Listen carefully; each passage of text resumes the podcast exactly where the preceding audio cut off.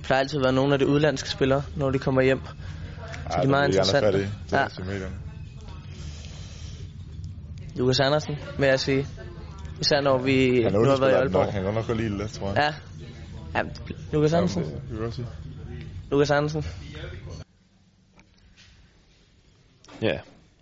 Jeg tror, vi sidder og kigger på ham lige nu. Frederik Holst. Frederik Holst kunne sagtens tage den. Han er glad for, han er glad for kameraet.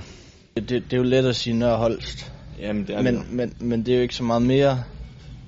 Nej, men altså, Og så altså alligevel. der, der, er, der er den famøse, hvor de, hvor de er ude og kigge på biler, de så. Og altså, den, den, den, glemmer, den glemmer jeg i hvert fald ikke lige øh, forløbig. Jeg tror, det var, var det ikke TV3 Sports, der øh, havde lavet en lille, et lille indslag med de to om, at øh, skulle de ud og kigge på, hvad var det? Var det Mercedes. Mercedes. Ja.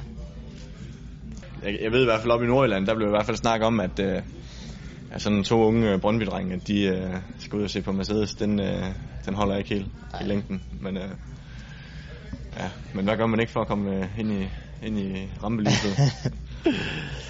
Jeg tror ikke rigtig, der er nogen tvivl om det Holst. det kan kun være Så det, det, det, det, det, det, er, det er Holst. Øh. Og lige så snart der er et kamera, så, øh, så er han der. Han behøver ikke engang at have været på banen. Øh, Det er klart ham. Ja, altså, i går, da han fik at vide, at han skulle lave interview med Discovery f- før landskampen. Man kunne bare se det store smil, men han var, han var glad. Men uh, det er han generelt for, for kamera. Ja, meget.